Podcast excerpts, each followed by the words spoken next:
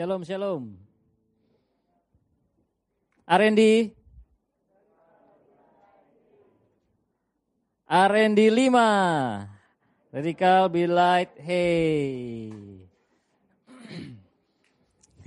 Susah beranjak dari tempat duduk ya. Ya, um, senang sekali bisa ketemu dengan setiap teman-teman hari ini.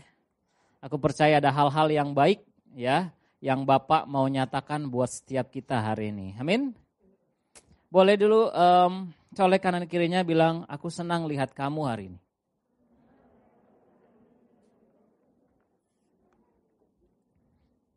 Beneran lo ya? Ya, sudah dalam beberapa bulan ini teman-teman kita terus dikuatkan, terus diteguhkan untuk kita uh, terus berjalan dalam visi Bapak ya. Lewat seri Driven by His Purpose, kita udah melihat dari uh, bulan Januari kayaknya ya. Bagaimana visi Bapak itu ada buat kita.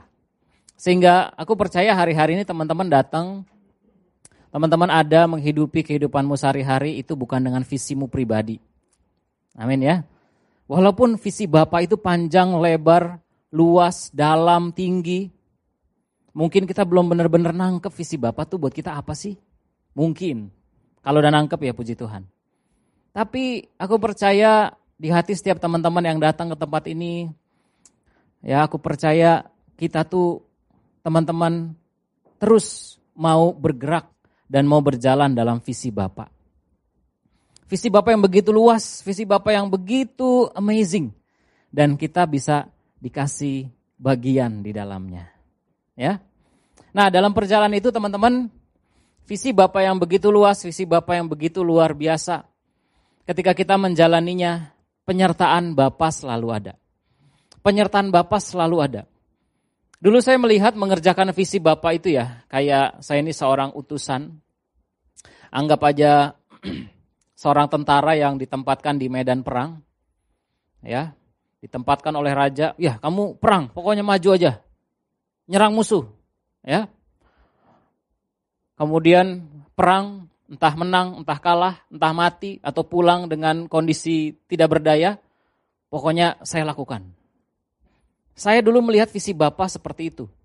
Artinya saya yang bersusah-susah melakukannya dan Bapak tinggal duduk dari belakang monitor. Gimana? Beres?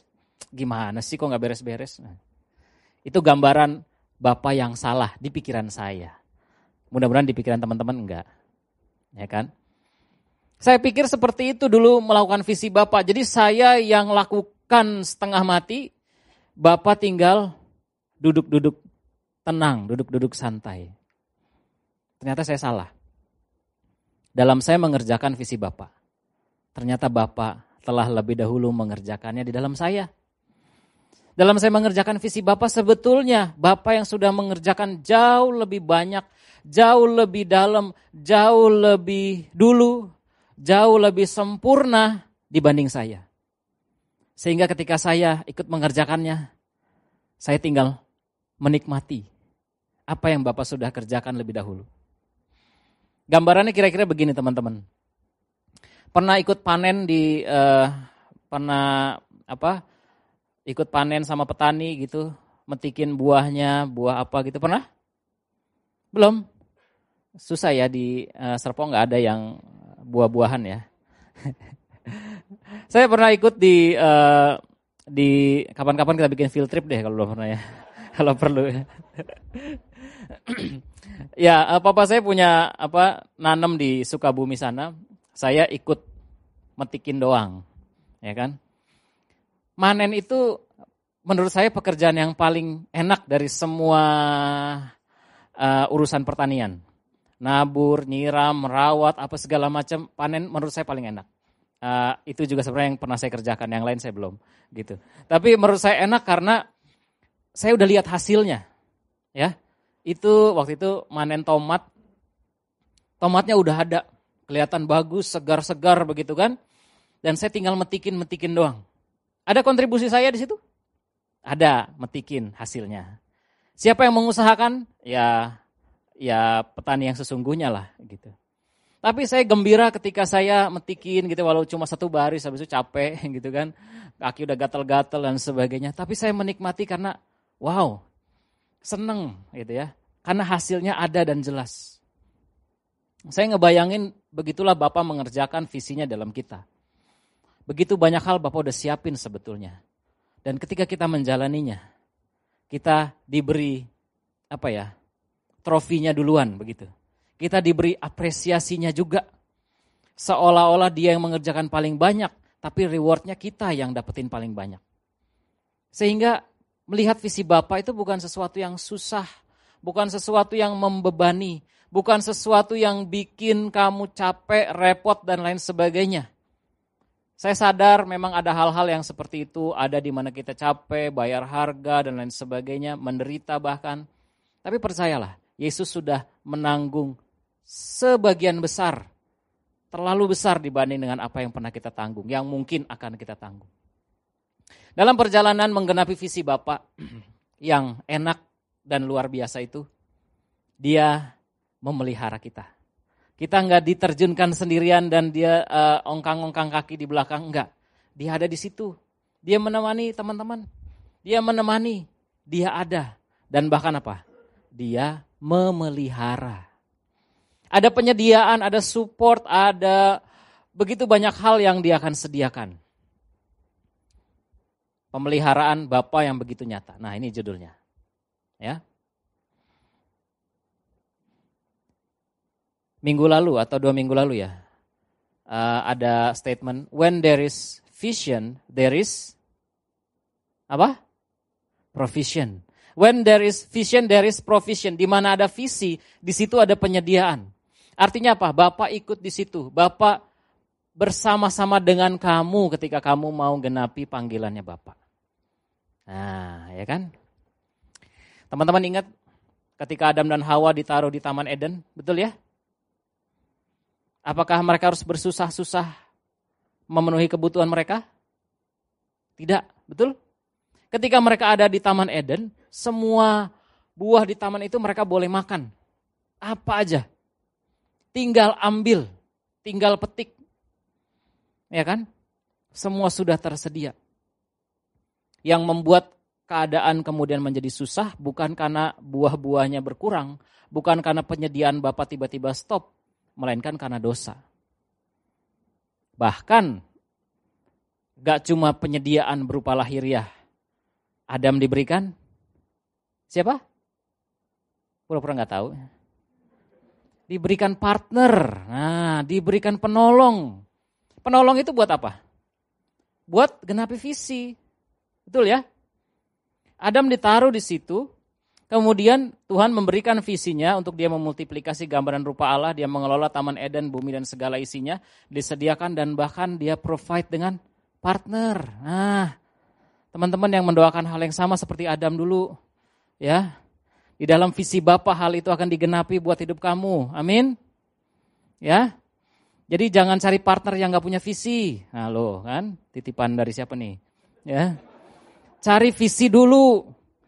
Ya, kejar visi Bapak dan seiring perjalanan ada partner yang akan menemani kamu menjalani visi tersebut. Ya, langsung catat penting nih, penting. Ya, ya. karena begitu kamu nggak punya visi, kamu dan partnermu nggak punya visi dan kemudian uh, ya nggak jadi nggak tahu apa yang mau dikerjain ya, itulah tanpa wahyu liarlah rakyat, begitu kan? Tanpa visi liarlah partner-partneran itu, gitu. Makanya kita perlu dapetin visi yang dari Bapak. Amin ya. Saya rasa itu bagian dari pemeliharaan Bapak juga sih. Us, aminnya luar biasa. Yuk kita baca, um, kelihatan ya Roma 11 ayat 36. Sama-sama 1, 2, 3. Sebab segala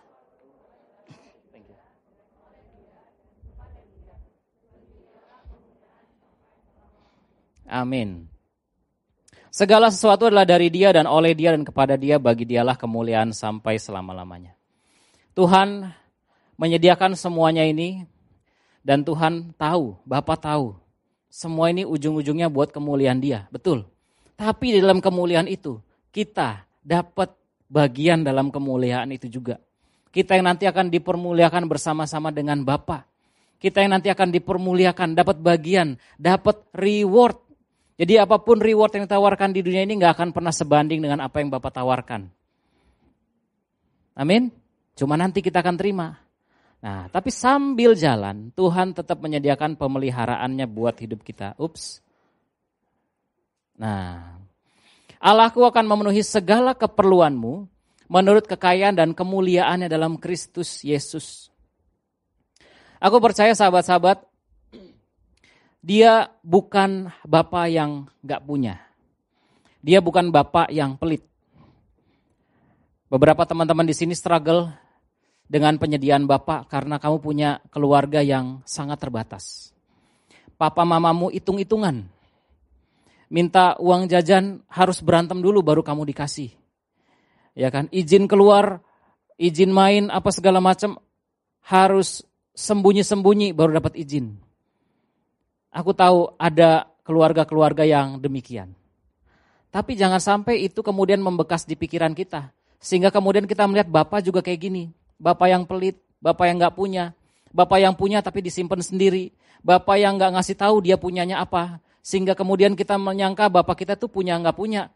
Tapi yang jelas apa dia punya apa nggak punya saya nggak tahu. Yang jelas saya nggak dibagi. Nah itu, ya kan? Banyak keluarga kayak gitu orang tuanya nggak pernah terbuka dengan keadaannya. Ya, di sini nggak ada papa mama ya harusnya ya. Jadi saya bebas kita ngomongin ya, aman teman-teman ya. Oke. Jadi kalau mengakui hal ini ya banyak yang seperti itu.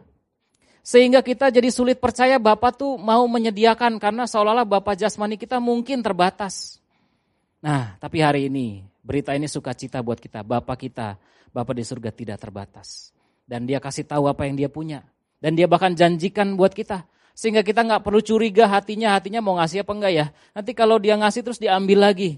Gitu kan, dia berkati terus kemudian kita kena e, kecelakaan, apa handphone jatuh, jadi seolah-olah diambil lagi berkatnya. Ditagih lagi, begitu kan. Apalagi kalau ada ayat di Ayub, Allah yang memberi, Allah yang mengambil. Wah, seolah-olah kita takut apa yang dia berikan pada kita, dia akan ambil bersama dengan bunga-bunganya loh.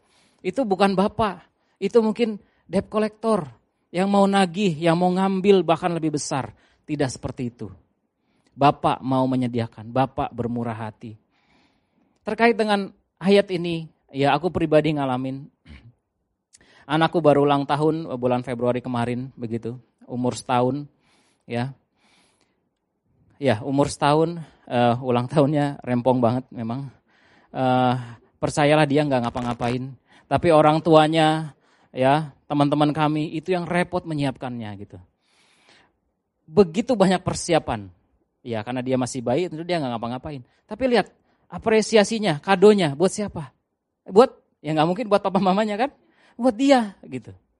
Dan aku sebagai ayah, aku bersuka cita melakukan hal itu.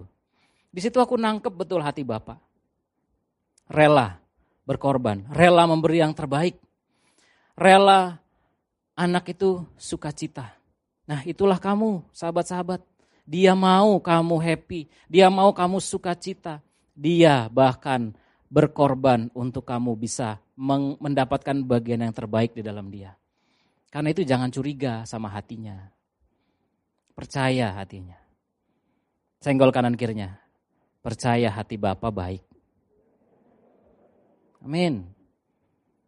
Yuk kita baca statement ini sama-sama. Satu, dua, tiga.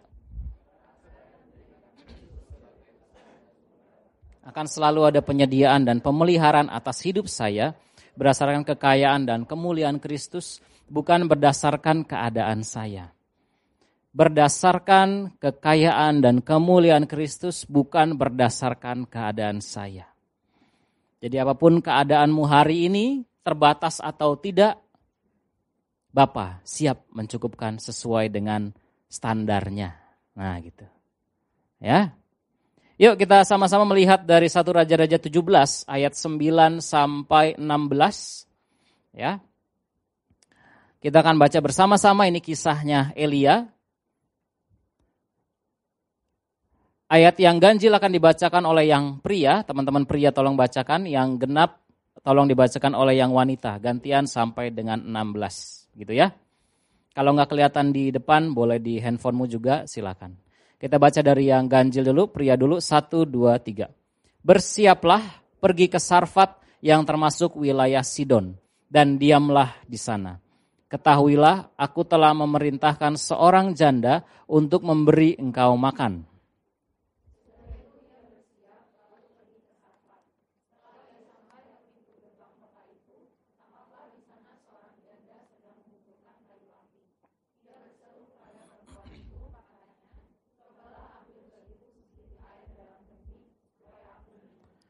Ketika perempuan itu pergi mengambilnya, ia berseru lagi, Cobalah ambil juga bagiku sepotong roti.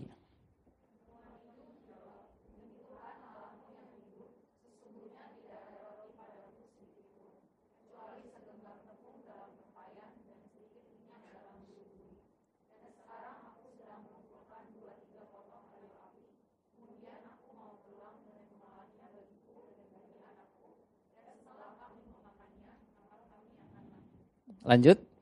Tetapi Elia berkata kepadanya, "Janganlah takut, pulanglah, buatlah seperti yang kau katakan, tetapi buatlah lebih dahulu bagiku sepotong roti bundar kecil daripadanya, dan bawalah kepadaku.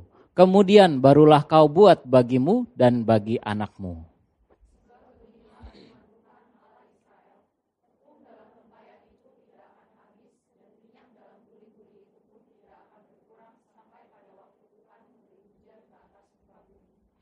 Lalu pergilah perempuan itu dan berbuat seperti yang dikatakan Elia. Maka perempuan itu dan dia serta anak perempuan itu mendapat makan beberapa waktu lamanya. Sama-sama ayat 16. Tepung dalam tempayan itu tidak habis dan minyak dalam buli-buli itu tidak berkurang seperti firman yang diucapkannya dengan perantaraan Elia. Amin. Teman-teman mungkin udah pernah dengar ya di uh, minggu lalu kayaknya udah pernah ya dibahas hal ini. Kita tahu bahwa waktu itu konteksnya adalah di kerajaan Israel. Elia pada waktu itu ada di zaman di mana raja yang berkuasa adalah Raja Ahab. Salah satu raja yang paling kejam dan paling jahat di zaman-zaman itu. Ya teman-teman kalau baca di kitab Raja-Raja ya, uh, sering kali ada introduksinya. Raja A, dia berbuat yang benar di mata Tuhan. Raja B, ia melakukan apa yang jahat di mata Tuhan. Begitu kan? Jadi uh, banyak itu kayak silsilah raja-raja, raja. Nah, bagian Raja Ahab itu cukup panjang. Masalahnya dia raja yang jahat di mata Tuhan. Dan kelihatannya menurut saya, menurut saya nih ya, cukup uh, apa ya, yang paling ekstrim jahatnya. Nah, gitu kira-kira. Jahat pakai banget. Nah, apalagi istrinya tuh Isabel, namanya udah nggak enak nih, Isabel. Dia itu uh, pokoknya dia punya banyak imam-imam dan apa pemimpin-pemimpin untuk penyembahan berhala. Ada satu cerita di mana Elia akan nantangin imam-imam tersebut kan. Terus turun api dari surga. Nah itu di kisah yang berbeda. Tapi di masa itu, di masa kondisi paling parah dan Israel mungkin salah satu kondisi yang paling jauh dari Tuhan. Firman Tuhan tetap ada nabinya dipanggil. Justru di zaman itu. Elia disuruh muncul di zaman itu. Ya. Aku di sini melihat, aku dapat kasih karunia baca ini teman-teman. Bahwa di masa yang paling gelap sekalipun, bahkan di zaman itu, firman Tuhan masih ada. Di masa tersulit dalam hidup kita, kasih karunia Tuhan masih ada. Di titik terendah dalam hidupmu mungkin, entah kapan, Bapa tetap ada. Dan kasih karunia itu somehow tetap ada buat hidupmu. Entah dari perwakilan Bapa atau dari mana datangnya. Tapi ini real dan nyata. Bahwa di tengah kondisi yang sulit sekalipun, yang penuh dosa, kasih karunia berlimpah-limpah. Kita pernah dengar ini ya, Karis Hooper Periseo. Ketika dosa bertambah banyak di situ kasih karunia berlimpah-limpah dan ini terjadi di zaman Elia, di zaman Raja Ahab dan Isabel ini. Pada waktu itu eh, di pasal sebelumnya, singkat cerita Elia diperintahkan oleh Tuhan untuk memerintahkan bahwa hujan tidak akan turun. Nah loh, itu bencana ya. Kalau mungkin hari-hari ini kita berharap hal yang sama, mungkin ya ke kantor, ke sekolah, kehujanan kita berharap semoga hujan tidak turun, ya. Janganlah, ya Tuhan nanti akan atur. Tapi Di masa itu hujan tidak turun karena Elia. Karena Elia berdoa demikian. Nah, yang terjadi adalah kekeringan. E, tanaman-tanaman mati, tidak berbuah, ternak-ternak tidak tahu makan apa karena rumputnya juga kering. Semua kering. Akibat dari kekeringan adalah kelaparan. Nah, ini real banget situasi yang sangat gawat dan mencekam. Tapi di tengah kondisi itu, kelaparan itu terjadi di, di seluruh negeri ya. Di tengah kondisi itu Allah tetap menyediakan berkat buat Elia. Elia disuruh pergi. Ke mana dia pergi? Ke kota apa? Sarfat. Itu di luar wilayah Israel, termasuk wilayah Sidon. Dia di sana disuruh mencari siapa? Janda. Nah, menarik. Ya, janda itu tentu bukan e, sosok yang kelihatan bisa menyediakan. Ya, teman-teman tahu janda ini adalah berarti wanita yang suaminya sudah meninggal atau sudah uh, pisah atau bagaimana sehingga dia sendirian. Nah, biasanya yang termasuk dalam janda ini adalah orang-orang yang sulit secara ekonomi, yang yang keadaannya mengenaskan dan lain sebagainya. Bukan orang yang menjanjikan untuk bisa memberi penyediaan buat Elia. Ya. Pada waktu itu Elia disuruh datang ke sana dan masalahnya firman Tuhan berkata, aku telah memerintahkan seorang janda untuk memberi engkau makan. Apakah di Israel nggak ada janda? Banyak. Apakah di Sarfat cuma satu janda itu? Enggak, saya percaya banyak. Tapi yang jelas Elia disuruh untuk datang ke sana. Mungkin Elia juga nggak tahu ini janda yang mana ya. Ya udah dia percaya aja, dia nurut aja. Sepintas kalau kelihatan dari ayat ini teman-teman, kita akan melihat bahwa firman Tuhan, perintah Tuhan buat Elia ini agak kurang masuk akal. Kurang masuk akal, kurang enak, kurang logis kurang menjanjikan. Karena yang dia harus datengin itulah janda. Dan begitu dia datang, ketemu, terbuktilah bahwa memang janda ini kaya, punya roti banyak. Enggak kan? Nah, kejadian. Nih loh, ternyata yang dia datang, jandanya nggak punya apa-apa. Punya roti ya ada, tapi belum jadi dan itu pun cuma satu.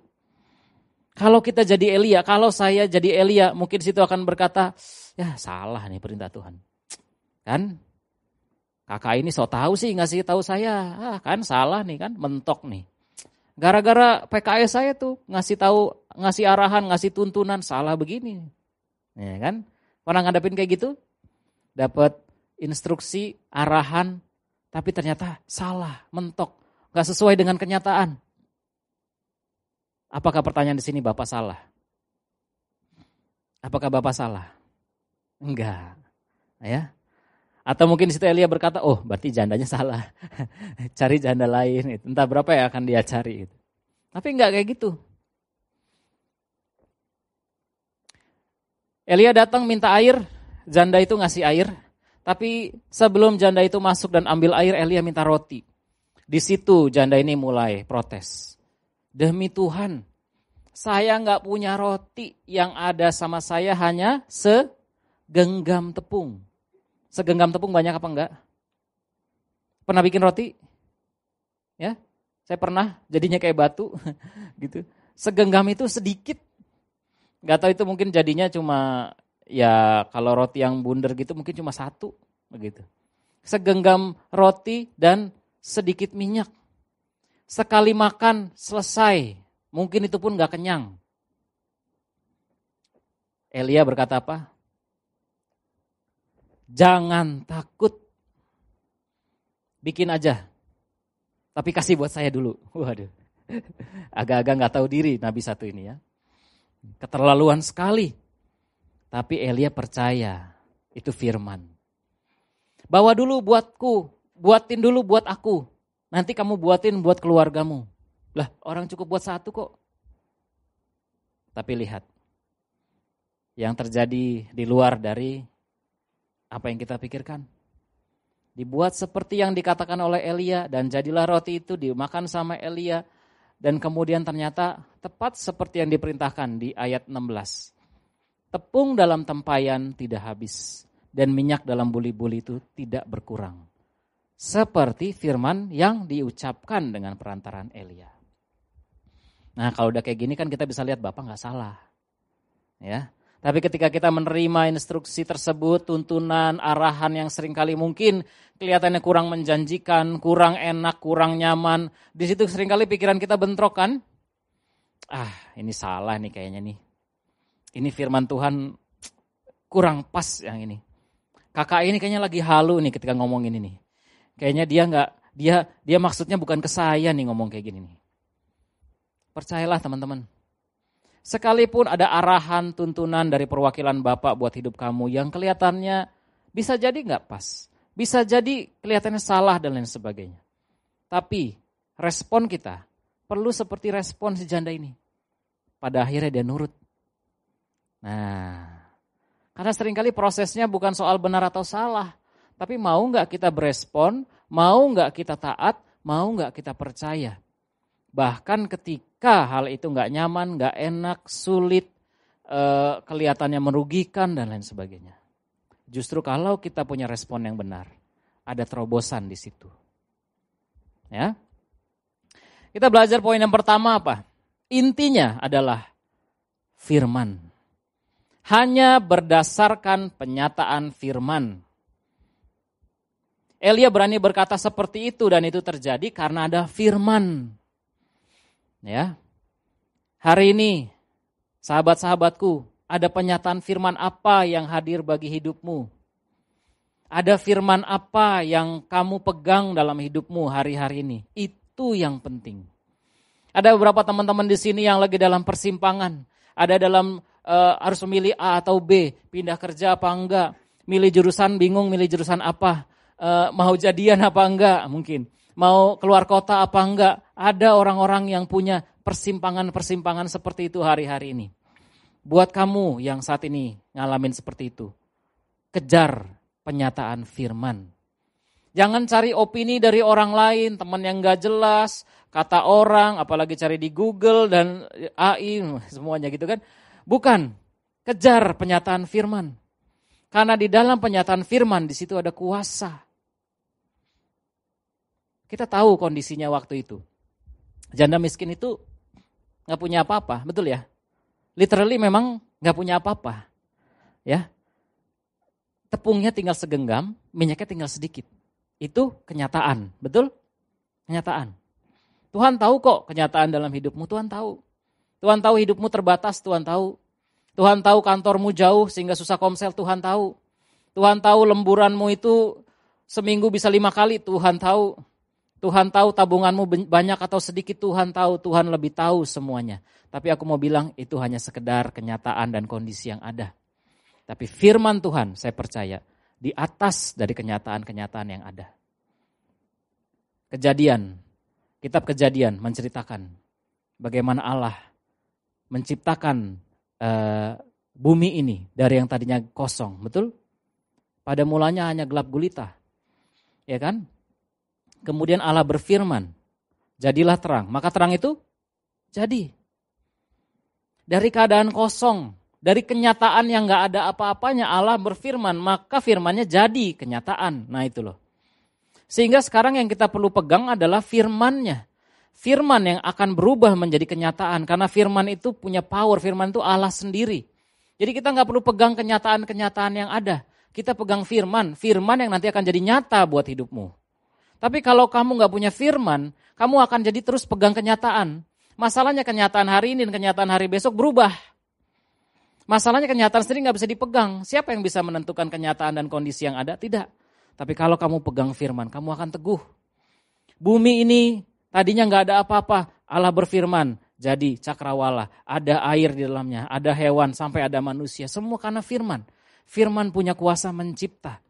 Izinkan firman yang penuh kuasa itu ada dalam hidupmu. Kamu pegang penyataan firman dan itu akan beri terobosan buat hidupmu. Dibanding hanya megangi kenyataan. Kenyataan tahu ya kenyataan ya. Saldo ATM tinggal segini, itu kenyataan, bukan halu ya. Kenyataan. Aduh, sakit panas 39 derajat, itu kenyataan, betul? Tapi jangan pegangi hal-hal itu.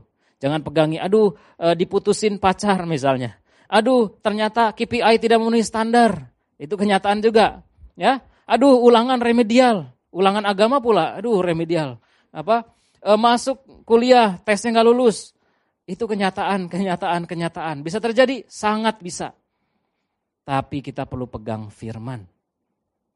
Firman yang akan membuatmu berjalan di atas kenyataan-kenyataan yang ada. Karena akibat dari kenyataan yang cuma sedikit itu, maka perempuan itu pada akhirnya nggak bisa memberikan buat Elia. Karena memang nggak ada. Tapi kemudian firman Tuhan datang. Ada penyataan firman. Jangan takut. Aku berdoa buat sahabat-sahabatku di tempat ini. Jangan takut apa pun kenyataan yang lagi kamu hadapi.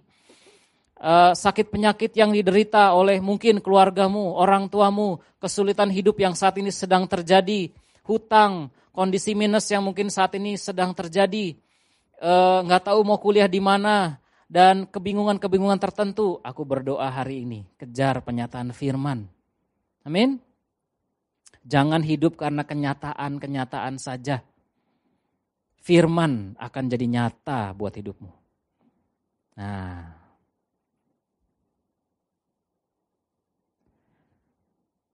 Lihat ayat 12, sesungguhnya tidak ada roti padaku sedikit pun. Nah ini dia. Itu kenyataan yang ada. Janda itu bilang apa adanya, dia jujur. Tapi lihat, Elia berkata jangan takut. Kita baca statement ini, satu, dua, tiga. Berjalan dan bertindak bukan berdasarkan kenyataan dan keadaan, namun berdasarkan penyataan atau janji Bapak ini penting teman-teman. Makanya responilah setiap perwakilan-perwakilan Bapak yang memberikan arahan dan tuntunan dalam hidupmu. Bersyukur ada kakak-kakak PKS, pembina PA yang terus ngajakin kamu komsel, pemuritan, ya kan, SPK misalnya. Dan terus uh, follow up hidupmu karena dia lagi memberikan penyataan-penyataan firman buat hidupmu. Bersyukur ada mereka. Kejar mereka kalau perlu. Kak, aku mau ditolong. Kak, aku butuh firman. Supaya aku nggak lagi hidup berdasarkan standar kenyataan-kenyataan duniawi. Nah. Amsal 3 ayat 5 berkata, Percayalah kepada Tuhan dengan segenap hatimu. Jangan bersandar kepada pengertianmu sendiri. Karena sering kali ketika firman datang yang jadi blocking di pikiran kita adalah ah nggak mungkin nih. Nah, pengertian sendiri. Ah salah ini. Aduh harusnya nggak begitu ya kan banyak protes-protes ya uh, diskusi-diskusi di dalam pikiran yang sebetulnya hanya ingin me mendinai, melawan penyataan-penyataan firman yang ada. Jangan. Sepintar apa kita? Jangan pakai kepintaranmu. Karena cara Bapak jauh lebih pintar. Jauh lebih kreatif. Jauh lebih maju dari apa yang kita bisa pikirkan. Cara Bapak, kuasa Bapak, jauh lebih advance dari pemikiran-pemikiranmu yang mungkin kamu melihat setahun, dua tahun, tiga tahun. Wah kayaknya ilmu forecastingmu tuh uh, paling aktual di seluruh dunia. Bapak bisa melihat jauh lebih dalam dari hal itu. Jangan pakai pengertianmu sendiri. Karena pengertian kita sendiri, saya nggak bilang di sini uh, apa namanya harus jadi orang bodoh, nggak punya pengertian, bukan. Tapi pengertian bukan dipakai untuk melawan firman. Nah itulah maksudnya. Pengertian dipakai untuk kita nurut, untuk kita submit. That's why itulah yang dikejar oleh Adam dan Hawa ketika mereka makan buah pengetahuan yang baik dan buruk. Mereka mau gain pengetahuan seperti Bapak tapi dengan cara yang salah. Mereka merasa ingin merasa lebih tahu dari Tuhan. Sehingga nggak apa-apalah kita jadi seperti Allah dengan kita makan buah ini. Dan ternyata apakah mereka jadi seperti Allah? Tidak sama sekali. Mereka jatuh.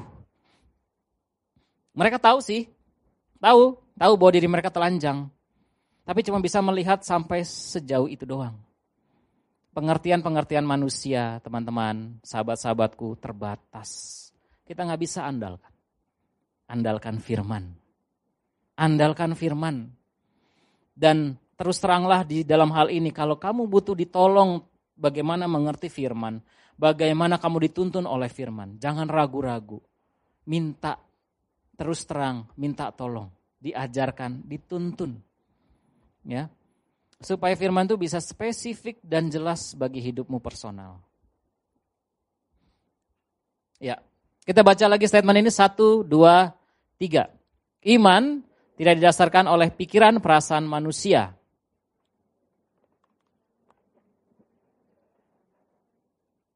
Namun hanya berdasarkan perkataan firman. Iman timbul dari pendengaran, pendengaran akan firman Tuhan. Iman, satu kekuatan, satu eh, dasar dari apa yang Tuhan mau berikan buat hidup kita. Itulah iman. Ya, sekalipun belum ada buktinya, iman itulah adalah buktinya. Ya. Makanya Elia ngomong itu tadinya belum terbukti, tapi Elia punya iman. Dan wanita itu, janda itu, dia juga nggak tahu bagaimana itu buyung apa tempayan itu akan terisi, tapi dia punya iman. Sehingga iman itu jadi kenyataan. Nah, ya. Tidak didasari oleh kondisi atau apa pun, namun berdasarkan perkataan, penyataan firman. Amin. Kita lihat lagi untuk kita bisa menerima pemeliharaan dari Bapa. Pertama, tadi kita perlu apa? Ada penyataan firman emang Bapak memberikan kepada kita dan kita perlu yakin firm dengan hal itu. Kedua, kita perlu keluar dari pengasihanan diri dan ketakutan. Pengasihanan diri tahu? Self pity. Merasa diri kasihan atau kasihan terhadap diri sendiri atau apa pun itu. Ya kan merasa diri uh, kurang, perlu dimengerti, perlu ditolong, perlu di apa ya, kayaknya orang paling susah sedunia. Janda ini merasa kayak gitu. Coba lihat di ayat ke berapa itu. Ke, oh ini udah nggak ada ayatnya lagi. Kemudian aku mau pulang dan mengolahnya bagiku dan bagi anakku. Dan setelah kami memakannya, maka kami akan mati. Ayat 12. Dia bilang aku nggak punya roti lagi, yang aku punya hanya segenggam tepung dan sedikit minyak. Abis ini kami akan pulang mengolahnya, kami makan dan kemudian kami akan mati. Apakah roti itu beracun? Gitu, dimakan terus mati kan enggak. Maksudnya karena setelah makan itu enggak ada makanan lagi, betul kan? Tapi enggak langsung mati kan? Paling enggak tujuh hari mungkin ya, atau seminggu delapan hari sampai dia benar-benar mati gitu ya. Jadi enggak benar-benar mati. Ini lebay. Ya. Dan kemudian akan mati. Enggak, enggak langsung mati. Banyak orang dalam kesusahan itu lebay. Bilang kanan kirinya, jangan lebay. Ya, jangan lebay. Bisa dimengerti kondisimu sulit. Aku tahu ada beberapa yang kondisi sulit. Tapi nggak perlu lebay. Seolah-olah langsung mati, langsung miskin. Tabungan berkurang. Waduh, kalau gini terus caranya miskin saya. Us. Ya. Gara-gara ke gereja, hujan harus naik grab car. Waduh, kalau naik grab car terus boros. Miskin saya. Setiap kali pulang dari sini fellowship, waduh habis uang saya. Kan? Ini perkataan-perkataan yang sering kedengeran gak sih? Oh nggak ada di sini. Oh mungkin di sebelah lah ya. ya. Wah ini harus follow up orang. Harus traktirin pula. Misalnya. Padahal nggak harus juga sih teman-teman. Cuma karena saking berasa nggak enak. Terus berasanya harus bayarin orang terus. Dikit-dikit berasa kurang, dikit-dikit berasa kurang, berasa nggak ada. Lebay. Ya. Firman Allah di sini jelas, jangan takut. Apakah mati? Tidak. Apakah miskin? Aku percaya tidak. Kalau teman-teman mau tahu standarnya kecukupan dalam di Alkitab, saya lihat di Timotius gitu ya. Asal ada makanan dan pakaian dalam sehari, cukuplah. Nah itu standar cukup di Alkitab. Asal ada makanan dan pakaian dalam sehari, hari ini, cukuplah. Doa Bapak kami mengajarkan berilah kami pada hari ini, makanan kami yang secukupnya. Dan aku melihat teman-teman di sini dari wajah-wajahmu, kamu punya makanan lebih dari cukup, betul? Punya pakaian yang gak cuma buat sehari, betul? Jangan dikit-dikit berasa susah itu maksudku. Jangan dikit-dikit berasa miskin, nah itu. Jangan terus-menerus dalam keadaan yang kurang, itu maksudnya. Karena standar-standar dunia yang masuk hari-hari ini seolah mengatakan harus tabungan sekian baru layak. Ya, harus untuk keadaan finansial yang bagus tuh minimal punya investasi sekian, tabungan sekian, aset sekian dan sebagainya. Boleh nggak hal itu? Silahkan. Tetapi kalau standar-standar itu jadi apa ya standar rasa amanmu, standar kecukupanmu dan begitu itu berkurang kamu jadi terganggu itu salah. Itu masuk ke dalam pengasihanan diri dan ketakutan. Ketika ada orang datang kepada Yesus, Yesus berkata, serigala punya liang, burung punya sarang, anak manusia tidak punya tempat untuk meletakkan kepalanya. Ada beberapa terjemahan tentang ayat itu, tapi aku percaya Yesus juga mau bilang bahwa aku nggak punya tempat tinggal. Aku tinggal ya di mana pun, di mana aku pergi. Ada masa-masanya orang-orang yang ikut Tuhan bahkan nggak punya apa ya kehidupan yang uh, stabil, Aku tidak mendoakan ini buat teman-teman, enggak, percayalah, tenang aja. Tapi ada masanya, rasul-rasul harus pindah tempat, menderita dan sebagainya. Apakah mereka dalam keadaan yang cukup? Bisa jadi iya, bisa jadi enggak. Tapi maksudku adalah, jangan khawatir akan kondisi apa pun. Jangan khawatir.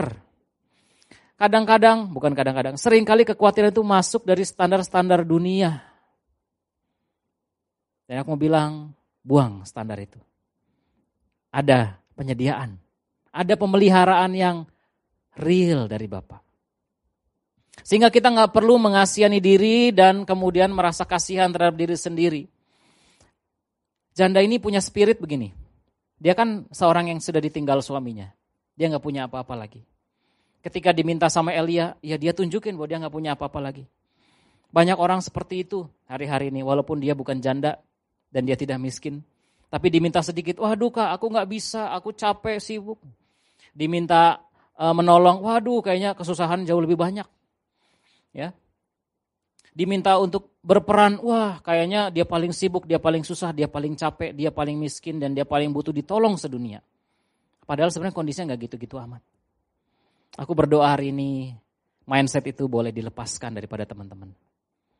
Kita lihat penyediaan Bapak jauh lebih besar jauh lebih banyak, jauh lebih berlimpah. Amin. Amin. Pengasihanan diri hanya membuat saya tidak dapat melihat kemurahan Bapak. Standar-standar di mana saya merasa kurang, yang lain lebih, itu hanya membuat kita nggak melihat penyediaan. Itu hanya membuat kita sulit bersyukur. Bersyukurlah teman-teman, belajar bersyukur dengan apa yang kau miliki sekalipun HP-mu ya seri tiga tahun ke belakang, sedangkan di sebelahmu duduk dia dengan handphone tiga bulan terbaru, ya kan? Nggak apa-apa.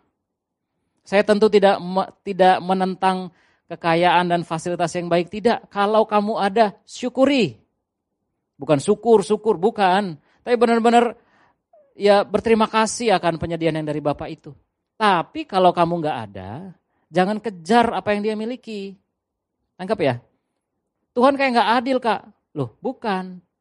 Apa yang kamu terima itu udah yang baik. Cukupkan dengan apa yang ada padamu. Kalau kamu merasa kurang, minta sama Bapak. Doa. Aku percaya ada penyediaan dari Bapak. Ya, Jangan iri karena salah satu dari sepuluh perintah. Jangan mengingini milik sesamamu. Kita nggak bisa buat ini semua jadi negara sosialis. Semua HP-nya sama mereknya, semua mobilnya sama, nggak bisa. Pasti ada perbedaan, satu lebih, satu kurang. Ya pasti ada kayak gitu. Itulah ya di masyarakat terjadi. Tapi yang nggak boleh adalah ketika saya nggak puas dengan apa yang jadi milik saya, saya nggak puas dengan yang ada pada saya, terus saya mengingini orang lain punya sehingga saya mengejar dan berambisi untuk lebih-lebih-lebih demi standar saya jadi seperti orang lain. Nah itu yang dunia sedang tanamkan dan itu yang kita nggak boleh. Ketika saya awal-awal kerja ya, awal-awal kerja eh, saya pengen gaji sekian. Sekian itu eh, anggap aja UMR sekarang berapa di Tangerang? Hah? Anggap aja 4, anggap aja 4 juta, anggap aja. Dulu awal-awal saya kerja itu jauh dari UMR, belum setinggi itu, anggap aja. Ketika saya mencapai titik tertentu, seneng nggak? Seneng, wah gajinya udah segini. Tapi cuma bertahan sebulan dua bulan senangnya. Kenapa? Karena melihat ternyata beberapa orang teman saya gajinya lebih. Oh bisa lebih ya, bisa lebih ya. Nah itu loh, kalau ngejar-ngejar gaji. Ya kan? Menantikan tanggal 28, 29, 30. Ya kan? Dan begitu masuk tanggal pertengahan, aduh, deg-degan karena udah mulai habis. Ya. Misalnya gaji 5 juta, nanti pengen yang 10 juta. Udah gaji 10 juta, apa udah cukup? Pengen 100 juta. Uh, pengen berapa? 1 M. Selalu nggak pernah puas. Kalau kamu dapat berkat melimpah, syukuri, bukan nggak boleh gaji segitu, bukan. Tapi kalau nggak dapat segitu, jangan jadikan itu keluh kesah dan pengasianan diri. Dan kalau kamu tahu temanmu ada yang segitu, jangan jadi perbincangan di belakang syukuri apa yang kamu terima. Ya. Nah, Roma 2 ayat 4. Maukah engkau menganggap sepi kekayaan kemurahannya, kesabaran dan kelapangan hatinya? Tidakkah engkau tahu bahwa maksud kemurahan Allah ialah menuntun engkau kepada pertobatan? Ujungnya, poin pentingnya adalah kita perlu bertobat. Bertobat dari apa? Bertobat dari merasa kurang, merasa miskin, merasa takut, merasa khawatir, merasa Allah kadang ada, kadang nggak ada menemani saya. Merasa penyediaannya terbatas, merasa ini dan itu sehingga kemudian kamu mengandalkan usahamu untuk mengisi apa yang kurang dari dirimu. Bertobat teman-teman.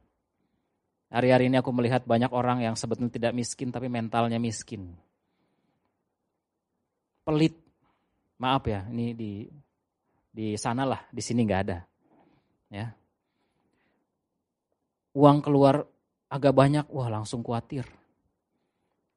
Ya, ada yang ulang tahun, wah saya harus kasih kado lagi. Loh, harus seolah-olah itu jadi beban buat dia. Ya. Waduh, ini ternyata dulu uh, saya punya utang, saya harus ganti lagi sekarang. Setiap pengeluaran-pengeluaran dicatat. Nggak apa-apa sih, pengeluaran dicatat ya nggak ada masalah. Tapi itu dicatat dengan ketakutan. Takut supaya nggak keluar lagi uangnya. Jangan. Sebaliknya, berbahagialah. Terlebih bahagia yang memberi dibanding yang menerima. Begitu kira-kira firmannya kan? Beri dengan sukacita. Karena penyediaan dari Bapa tidak pernah kurang buat hidup kita. Amin.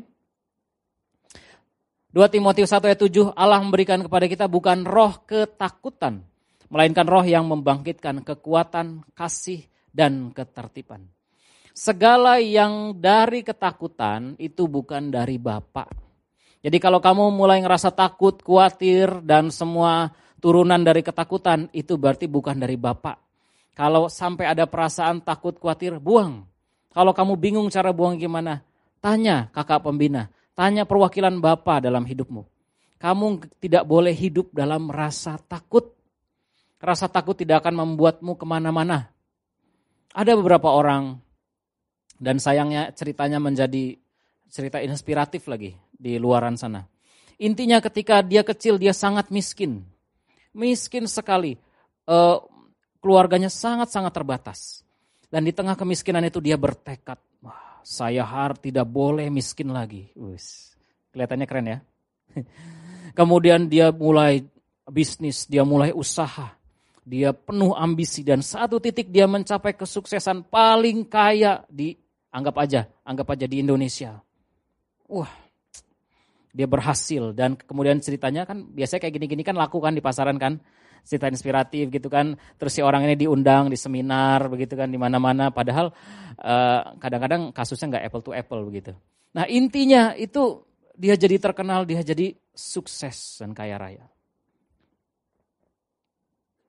tapi ternyata apa orang ini mentalnya masih miskin. Keadaannya sudah tidak miskin. Keadaannya sudah tidak susah. Tapi pikirannya masih pelit. Pikirannya masih membanding-bandingkan. Wah saingan saya, dia bisa beli rumah di sini. Wah dia beli bisa beli pesawat jet pribadi. Dia bisa beli ini. Wah kayaknya terus ada perlombaan, perlombaan, perlombaan. Sampai akhirnya dia nggak tahu dia mau lomba dengan siapa, dia lomba dengan dirinya. Ya. Selalu ada pengejaran-pengejaran yang nggak pernah habis. Itu maksudku. Sekalipun ada orang-orang yang gak susah, tapi mentalnya mental orang susah. Nah mental itu yang kita mau Buang teman-teman. Karena kamu tuh anak bapak. Mentalnya seperti ya anak bapak. Pikiran dan perasaannya harus seperti anak bapak. Anak bapak gimana? Gak takut susah. Bayangin kamu semua anak raja. Anak raja. Nah, anggap aja kerajaan apa ya? kerajaan Indonesia ya misalnya. Apakah kamu khawatir akan hidupmu? Enggak. Besok mau makan apa? Enggak. Enggak khawatir. Enggak takut. Karena kamu tahu Bapamu menyediakan yang terbaik buat hidupmu. Itu dasar kita enggak takut. Nah ya. Kita baca statement ini satu, dua, tiga. Dunia selalu membawa saya dalam pengasihanan diri dan ketakutan. Namun Bapak selalu mengangkat dan membawa kekuatan. Apa yang dari dunia selalu membawa kepada pengasihanan diri, ketakutan. Tapi Bapak mau kita beranjak dari pikiran dan perasaan itu. Sekali lagi teman-teman, aku nggak menentang kekayaan dan lain sebagainya, tidak. Tidak ada masalah dengan hal itu. Tapi pola pikir yang salah itu yang harus dibuang. Ya. Yang terakhir, kita perlu hanya percaya saja. Simple, percaya saja. Susah nggak percaya saja? Susah nggak? Ayat 14 di situ. Eh, ayat 15. Lalu pergilah perempuan itu setelah diperintahkan oleh Elia dan berbuat seperti yang dikatakan Elia. Elia sudah ber, sudah berpesan firman Tuhan, jangan takut, tepung dalam tempayan tidak akan habis, minyak dalam buli-buli tidak akan berkurang. Mendengar hal itu, yang tadinya si janda miskin ini dia mengasihani diri dan takut, kemudian dia langsung lakuin. Nah, dia percaya. Dia nggak banyak komentar, dia nggak banyak tapi, kan? Dia nggak mikir tuh gimana caranya buli-buli itu bisa terisi dan nggak habis. Dia nggak tahu gimana tempayan itu bisa nggak habis. Dia nggak tahu dan dia nggak mikirin. Kadang-kadang yang bikin kita sulit percaya karena kita terlalu banyak berpikir hal-hal yang nggak perlu. Tuhan menyediakan, tapi dari mana kak Tuhan menyediakan? Kalau standarnya sekarang begini kak, soalnya keadaan sekarang begini. Kalau kita lihat nanti di depan ada resesi ekonomi, aduh, yang kayak kayak gitu susah buat percaya. Belum lagi ya belum dikasih arahan sama kakak pembina, dia udah langsung lakukan ini dan itu dan ini dan itu.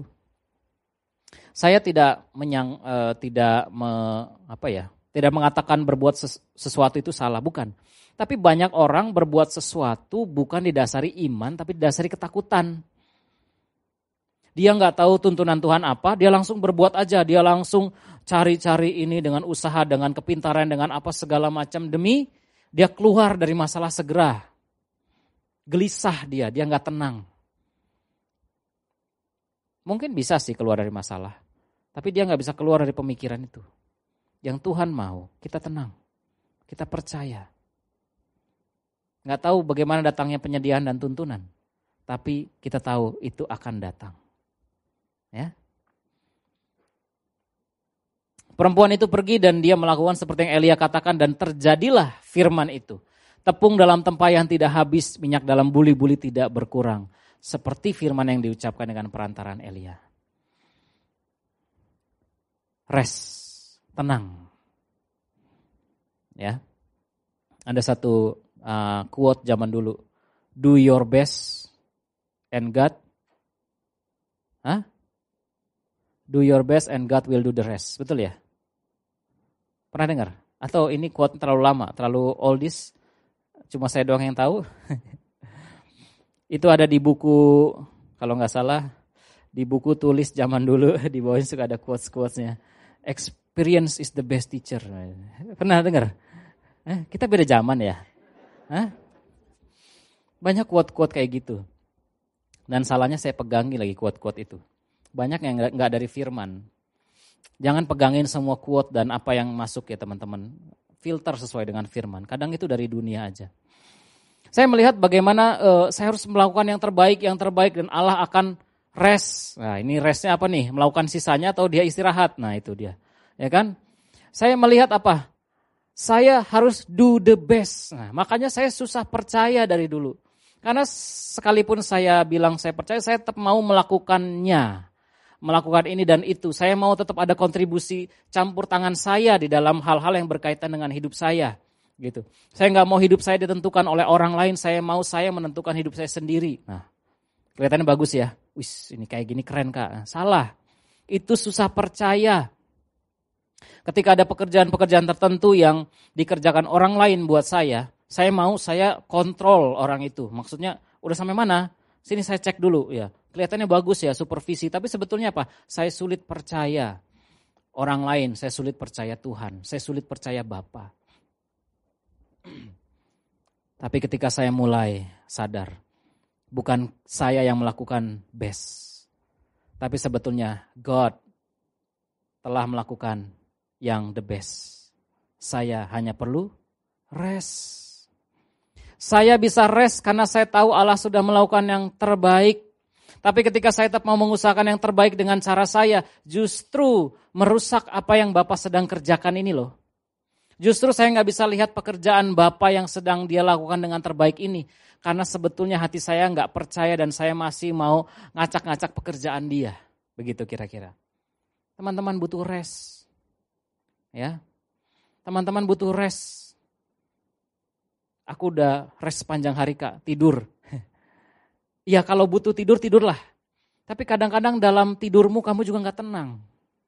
Dalam tidurmu kamu sedang lari dari masalah tapi juga nggak percaya pada Bapak. Jangan. Rest, tenang. Kalau ada yang perlu dilakukan, lakukan berdasarkan tuntunan firman. Bukan bingung, susah, dan kemudian muter-muter hanya percaya saja. Hati yang terbuka dan taat akan firman adalah, eh, kita baca yuk statement ini, satu, dua, tiga. Hati yang terbuka dan taat akan firman adalah langkah awal menerima penyediaan Bapak dan menghasilkan buah lebat. Ya. Kak Kris pernah sampaikan syama, syamar, dengar, lalu simpan. Dengar dulu, simpan. Jangan buru-buru lakukan. Kenapa? Karena kita butuh percaya dulu. Dalam tinggal tenang dan percaya terletak kekuatanmu. Ada terusannya sih. Tetapi kamu enggan. Semoga enggan itu bukan bagian kita. Dalam tinggal tenang dan percaya terletak kekuatanmu. Tenang dulu. Di situ ada arkeo. Kekuatan yang melimpah-limpah. Ada penyediaan. Untuk kita bisa keluar dari masalah. Untuk kita bisa menghadapi hal-hal yang sulit. Kita akan menemukan tuntunan Bapak.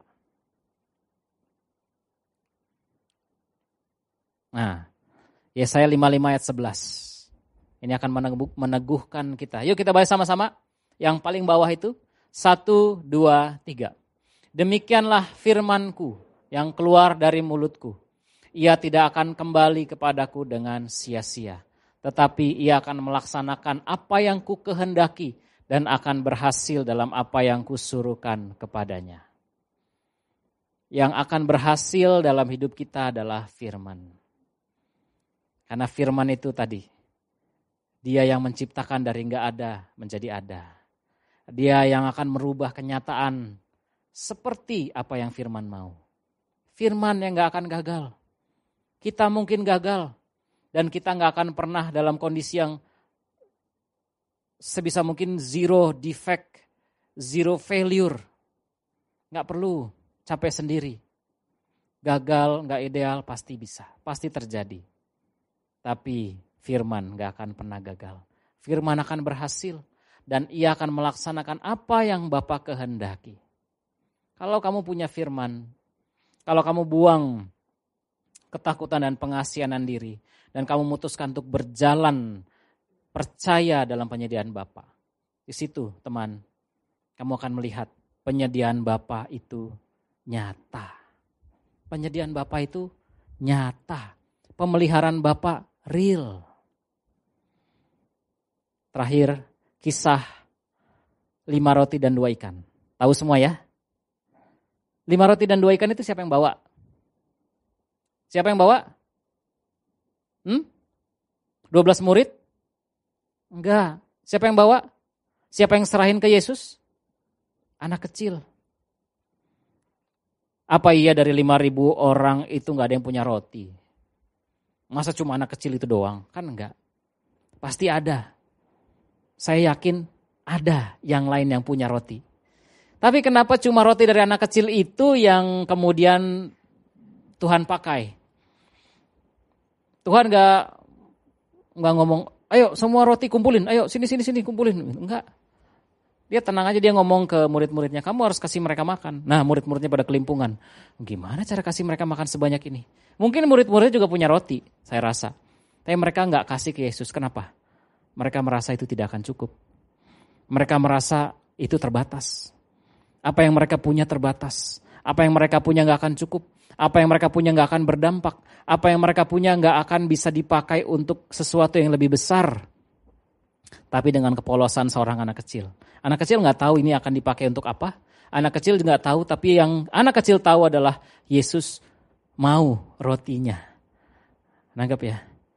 Bukan Yesus lagi ngambil dari anak kecil. Tapi anak kecil ini punya hati yang tulus. Dia mau berikan pada Yesus. Yesus pakai hal itu. Teman, apa pun yang kau punya, mungkin terbatas. Tapi ketika kamu berikan, ketika kamu serahkan pada Allah, Allah akan pakai itu itu akan jadi berhasil dan melakukan apa yang Allah kehendaki. Karena firman ada di situ. Amin. Sehingga kita nggak perlu lagi takut, kita nggak perlu lagi terjebak pada pengasianan diri dan hal-hal luka-luka yang lama. Respon ketaatan saya terhadap firman pasti selalu menghasilkan buah. Ya. Yesaya 46 ayat 4 kita baca sama-sama. 1 2 3 aku tetap dia. Masa putih rambutmu aku menggendong kamu. Aku telah melakukannya dan mau menanggung kamu terus dan menyelamatkan kamu. Sudah masa tuamu, sampai masa tuamu, Tuhan tetap menggendong kamu. Ada di sini yang sudah putih rambutnya? Masih hitam semua? Jangan cepat-cepat diputihin. Tapi sekalipun sampai ujung usiamu, Bapak sanggup dan dia mau. Dia mau, dia mau. Ini janjinya. Dengan janji ini apakah kamu masih perlu lagi khawatir masa depan? Enggak. Dengan janji ini apakah kamu khawatir tahun depan katanya ada hal ini hal itu? Enggak perlu. Kekeringan dan kelaparan bisa terjadi karena di masa Elia itu pun terjadi. Tapi kalau kita punya firman, nah itu. Tempayan tidak akan habis, buli-buli tidak akan kosong. Sekalipun di tengah kelaparan dan kekeringan. Terakhir statement uh, di bawah itu kita baca. Satu, dua, tiga. Pemeliharaan Bapa yang sempurna begitu nyata dalam hidup saya. Di dalam kasih dan kemurahannya, saya senantiasa tidak satu apa pun yang terbaik sampai kapan pun untuk saya dapat menggenapi visi dan tujuan Bapak bagi bangsa-bangsa. Amin. Mari teman-teman kita ambil waktu personal. Tenangkan hati dan pikiran kita. Di bangkumu saja, boleh pejamkan matamu. Kamu boleh ngomong sama Bapak. Kalau ada kekhawatiran, ada ketakutan, ada kegentaran, bahkan ada ketidakpercayaan. Silakan ambil momen ini. Kamu ngomong sama Tuhan, sama Bapak. Bapak aku takut. Akui. Aku bingung. Aku khawatir akan masa yang ada di depan. Aku mau percaya Bapak, tapi aku takut, aku bingung gimana caranya. Jadikan ini momen personalmu dengan Bapa, sahabat-sahabat.